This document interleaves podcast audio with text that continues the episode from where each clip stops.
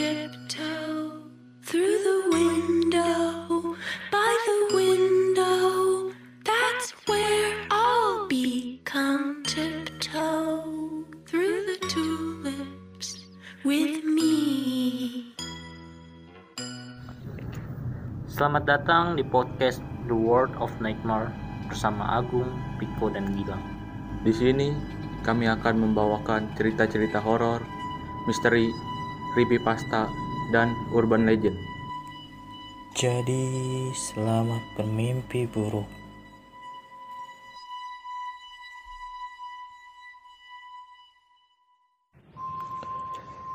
Cerita kali ini adalah cerita tentang Dare Game.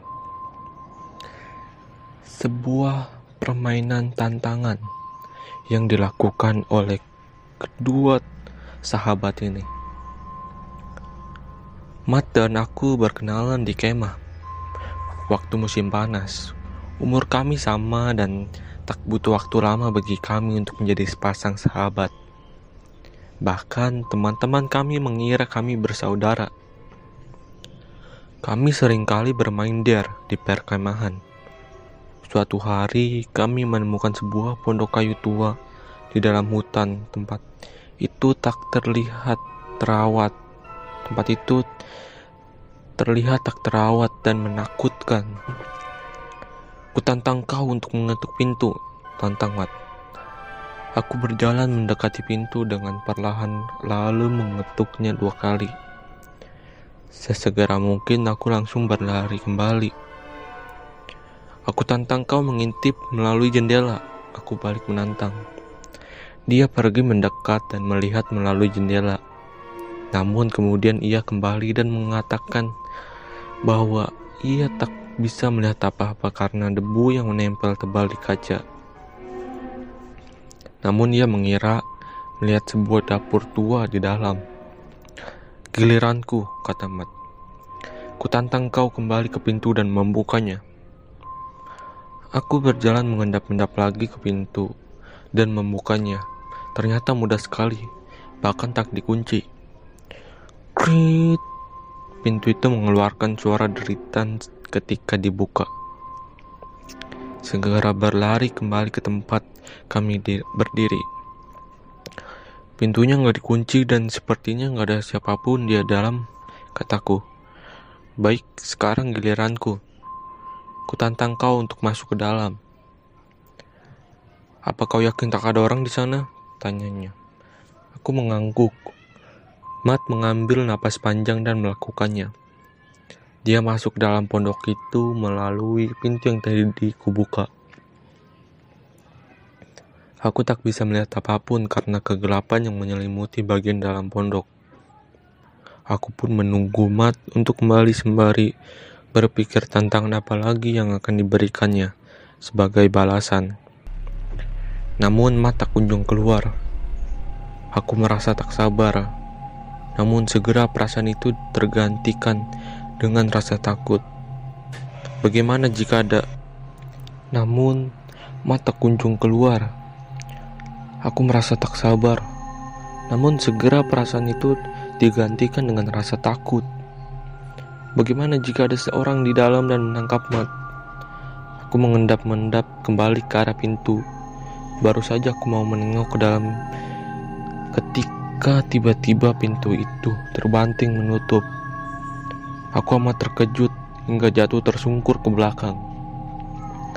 Aku lari sekencang mungkin ke arah hutan. Aku panik sekarang. Aku ingin kembali ke sana untuk mencari Mat. Namun aku terlalu takut. Tiba-tiba seorang meraih bahuku dari belakang. Aku berteriak dan jatuh tersungkur lagi. Namun kali ini aku mendengar suara tawa Mat. Aku menoleh dan menemukannya berada di belakang. Mat memegangi perutnya sambil tertawa terbahak-bahak.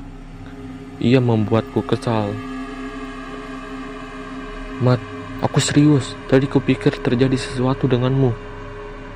Aku mencoba berjalan kembali dengan kesal, namun Mat menghentikan langkahku.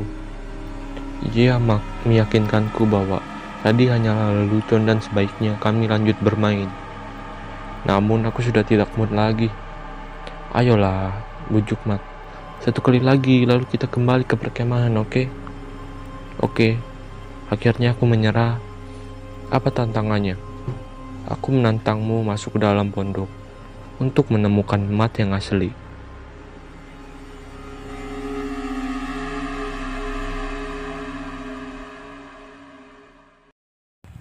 Cerita kali ini yaitu Stuck at Work.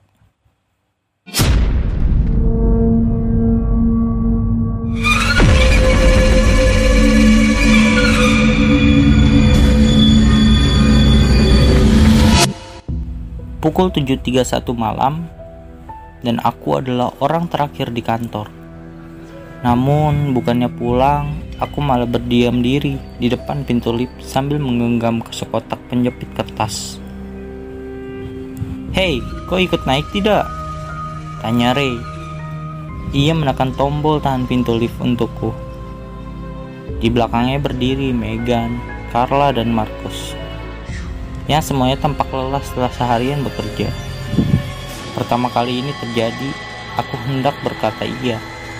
Namun aku segera berubah pikiran karena aku ingat untuk sedikit mengurangi berat badan. Jadi aku berkata, makasih, tapi aku lewat tangga saja. Tapi untuk kali ini, aku tak berkata apa-apa. Terserah deh, ucap Ray menimpali. Seolah aku telah mengatakan sesuatu ia melepaskan tombolnya, dan pintu lift pun perlahan menutup. Namun sebelum benar-benar tertutup, dari celah pintu yang tersisa, tersisa lemparkan sekotak penjepit kertas itu masuk ke dalam lift. Benda itu terlempar ke pojokan, tutupnya terkuak membuka, dan penjepit kertas di dalamnya terlontar keluar bak bom paperclip. Selanjutnya, di sinilah aku, sendirian lagi. Tak seorang pun di lift berpikir bahwa kelakuanku aneh. Malahan mereka sama sekali tak sadar. Aku sudah melakukan percobaan ini berkali-kali. Jadi aku tak heran kalau mereka biasa-biasa saja. Aku juga tak heran saat kulihat kotak penjepit kertas itu muncul kembali di atas meja kerjaku. Seolah belum kusentuh sama sekali. Percobaanku yang lain pun sama saja hasilnya Aku sudah menahan pintu lift, aku berteriak dan memohon. Aku bahkan menarik kasar dengan Ray. Namun akhirnya tetap tak berbeda. Mereka tak merespon dan lalu semuanya akan terulang lagi. Aku akan selalu berakhir sendirian di kantor. Paling tidak hingga lift itu tiba. Dan Ray akan mengajakku naik lagi seperti sebelumnya. Aku lelah, terus-terusan mencoba. Tak ada yang bisa kulakukan di sini telepon, radio, dan alarm kebakaran tak berfungsi. Semua komputer mati. Aku menemukan sebuah novel roman picisan tersembunyi di laci meja Megan. Namun aku sudah tahu akhir ceritanya, karena toh aku sudah membacanya sekitar 30-an kali. Kalaupun aku lewat tangga, baik naik atau turun, setiap pintu yang ketemui akan membawaku kembali kemari ke lantai 40. Dan tentu saja, aku juga bisa bergabung dengan rekan-rekan kerjaku, lalu ikut menaiki lift. Aku ingat ketika dulu masih kecil, aku merasakan semacam rasa ingin tahu yang ganjil tentang kecelakaan lift. Dan setelah mencari info, aku mendapati bahwa kecelakaan akibat lift sangatlah langka. Dan bukan mustahil bahwa lift adalah alat transportasi teraman di dunia. Karena menurut logika, lift tak bisa tiba-tiba jatuh tanpa sebab kemungkinan kau mati akibat jatuh dari tangga adalah seribu kali lebih besar daripada di lift. Tapi walaupun aku tahu semua itu, aku juga tahu bahwa setiap kali lift itu turun, ketika ku tekankan daun telingaku pada pintunya, aku dapat mendengar suara jeritan samar-samar para rekan kerjaku bergaung melalui lorong jalur lift dan menggema kembali ke atas. Dan itulah Mengapa waktu di sini selalu menunjukkan pukul 7.31? Karena seharusnya aku ikut mati bersama mereka. Nah, nah itu dia liftnya sudah tiba lagi. Hei, kau ikut naik tidak? Tanya Ray. aku pun akhirnya sadar bahwa aku harus berkata iya. Cerita selanjutnya yaitu Purple Mirror. Bertahun-tahun yang lalu, hiduplah seorang gadis Jepang yang setiap hari kerjanya hanya mematut diri di depan cermin.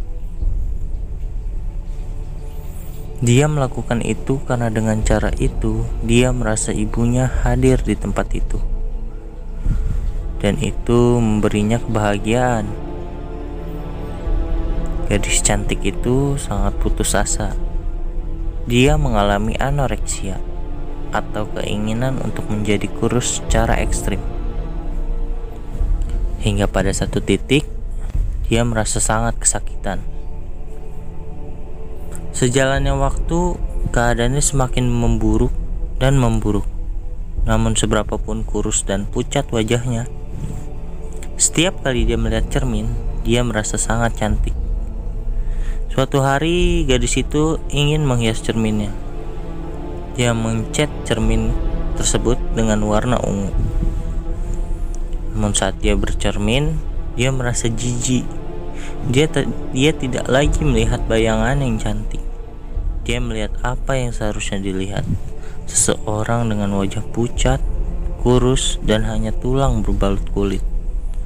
Karena takut dengan apa yang dilihatnya, gadis itu menghancurkan cermin di hadapannya. Namun setelah itu dia merasa menyesal. Saat usianya 20 tahun, gadis itu sedang berada di jalanan untuk mempersiapkan pesta ulang tahunnya. Ketika tiba-tiba dia mengalami kecelakaan, dan meninggal di tempat. Saat meninggal, kata-kata terakhir yang keluar dari mulutnya adalah cermin ungu, cermin ungu, cermin ungu.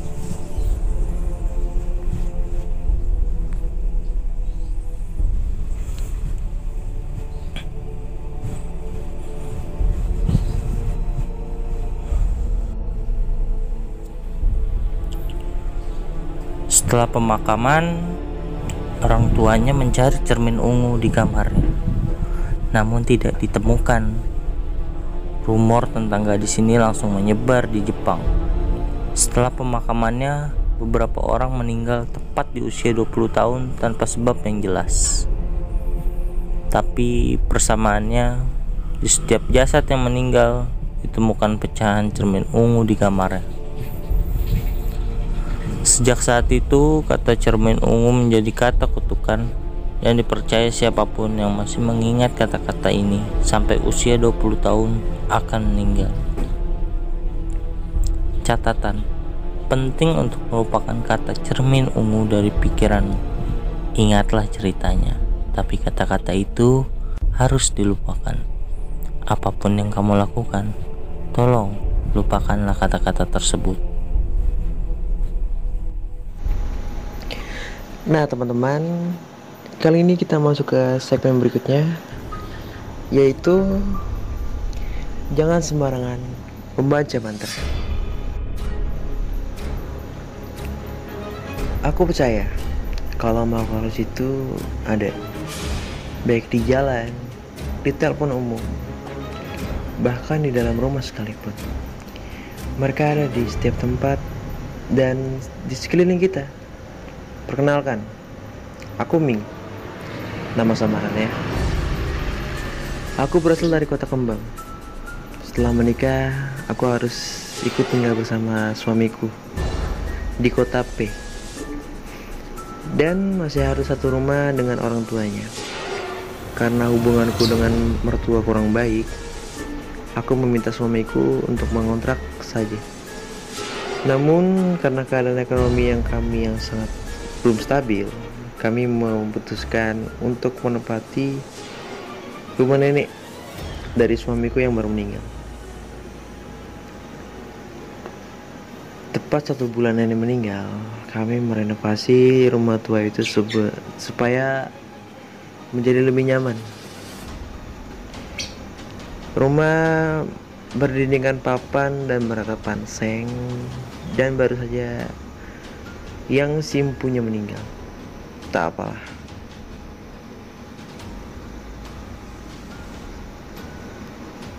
Singkat cerita, aku punya putri.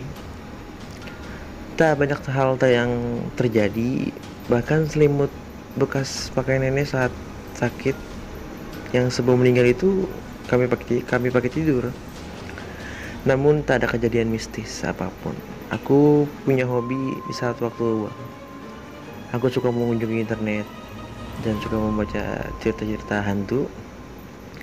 Aku biasa menyimpan terlebih dahulu sehingga bisa dibaca secara offline. Hingga suatu hari suamiku tertawa-tawa dengan HP HP ku di tangannya. Kutanya apa yang membuat dia ketawa. Dia menunjukkan sebuah halaman browser secara memanggil hantu yang lengkap dengan mantra yang berbahasa Sunda. Yang menurut dia itu lucu karena nggak paham artinya apa. Aku pun penasaran dan aku coba mengartikannya. Namun tidak semua kata bisa aku terjemahkan. Karena mantra itu menggunakan bahasa Sunda kuno. Namun ada beberapa kata yang kurang kutangkap yaitu menyerahkan jiwa atau sesuatu yang seperti itu apalah aku pun menghapusnya karena membuatku seram. Selang beberapa menit saat kami sedang berbincang kemudian pintu gudang terbuka dan terbanting dengan sendirinya. Kami sangat terkejut soalnya posisi kami duduk di tempat depan pintu itu. Kami pun seketika diam dan saling bertatapan Namun suamiku berkata, mungkin ada yang kurang rapat saat menutupnya.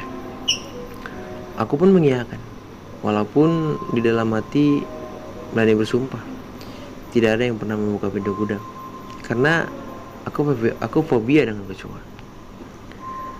Tepat di jam 12 malam, aku terbangun karena kaget. Putriku yang baru saja tertidur di kasur kami.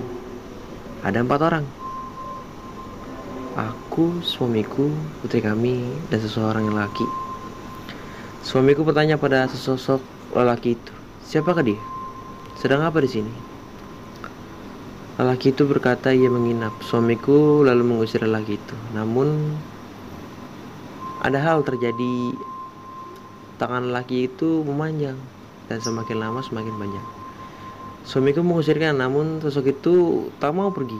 Sosok itu malah mencekikku dan hendak membawa, membawa putri kami. Di saat itu dia berteriak-teriak untuk melepaskan kami dan kemudian dia terbangun. Paginya aku dan suamiku membalas hal yang janggal yang sudah terjadi akhir-akhir ini. Semua berawal dari setelah kami nggak sengaja membaca mantra itu. Astaga, kami ingat menyerahkan jiwa karena kami takut hal ini terus terjadi dan berdampak buruk untuk anak-anak kami. Kami memutuskan untuk memanggil seorang nenek tukang pijit bayi dekat rumah. Selain bisa memijit, dia pun bisa katanya bisa menemukan bayi yang terkena sawan atau diganggu dengan makhluk gaib. Nenek itu meminta segelas air putih dan menanyakan nama lengkap putri kami. Setelah itu mulutnya kumat kami di depan gelas kuberikan air mengusap muka anakku dengan airnya. Masih dengan mulut berkomat kami, tanda itu membuang sisa air di gelas di, sekitar halaman rumah. Sebelum nenek itu pergi, dia menyerahkan untuk menabur galang di seliling rumah sambil membaca doa sebisanya dan ketika maghrib tiba jangan membawa anak luar. Setelah itu anak kami gak pernah menangis di rumah tengah malam.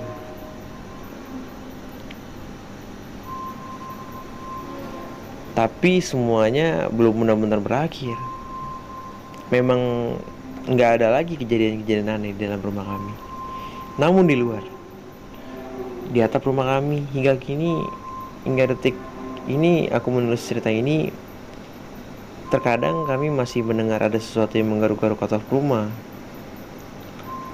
Seolah-olah sesuatu itu marah karena tak bisa masuk dalam rumah. Dia membawa putri kami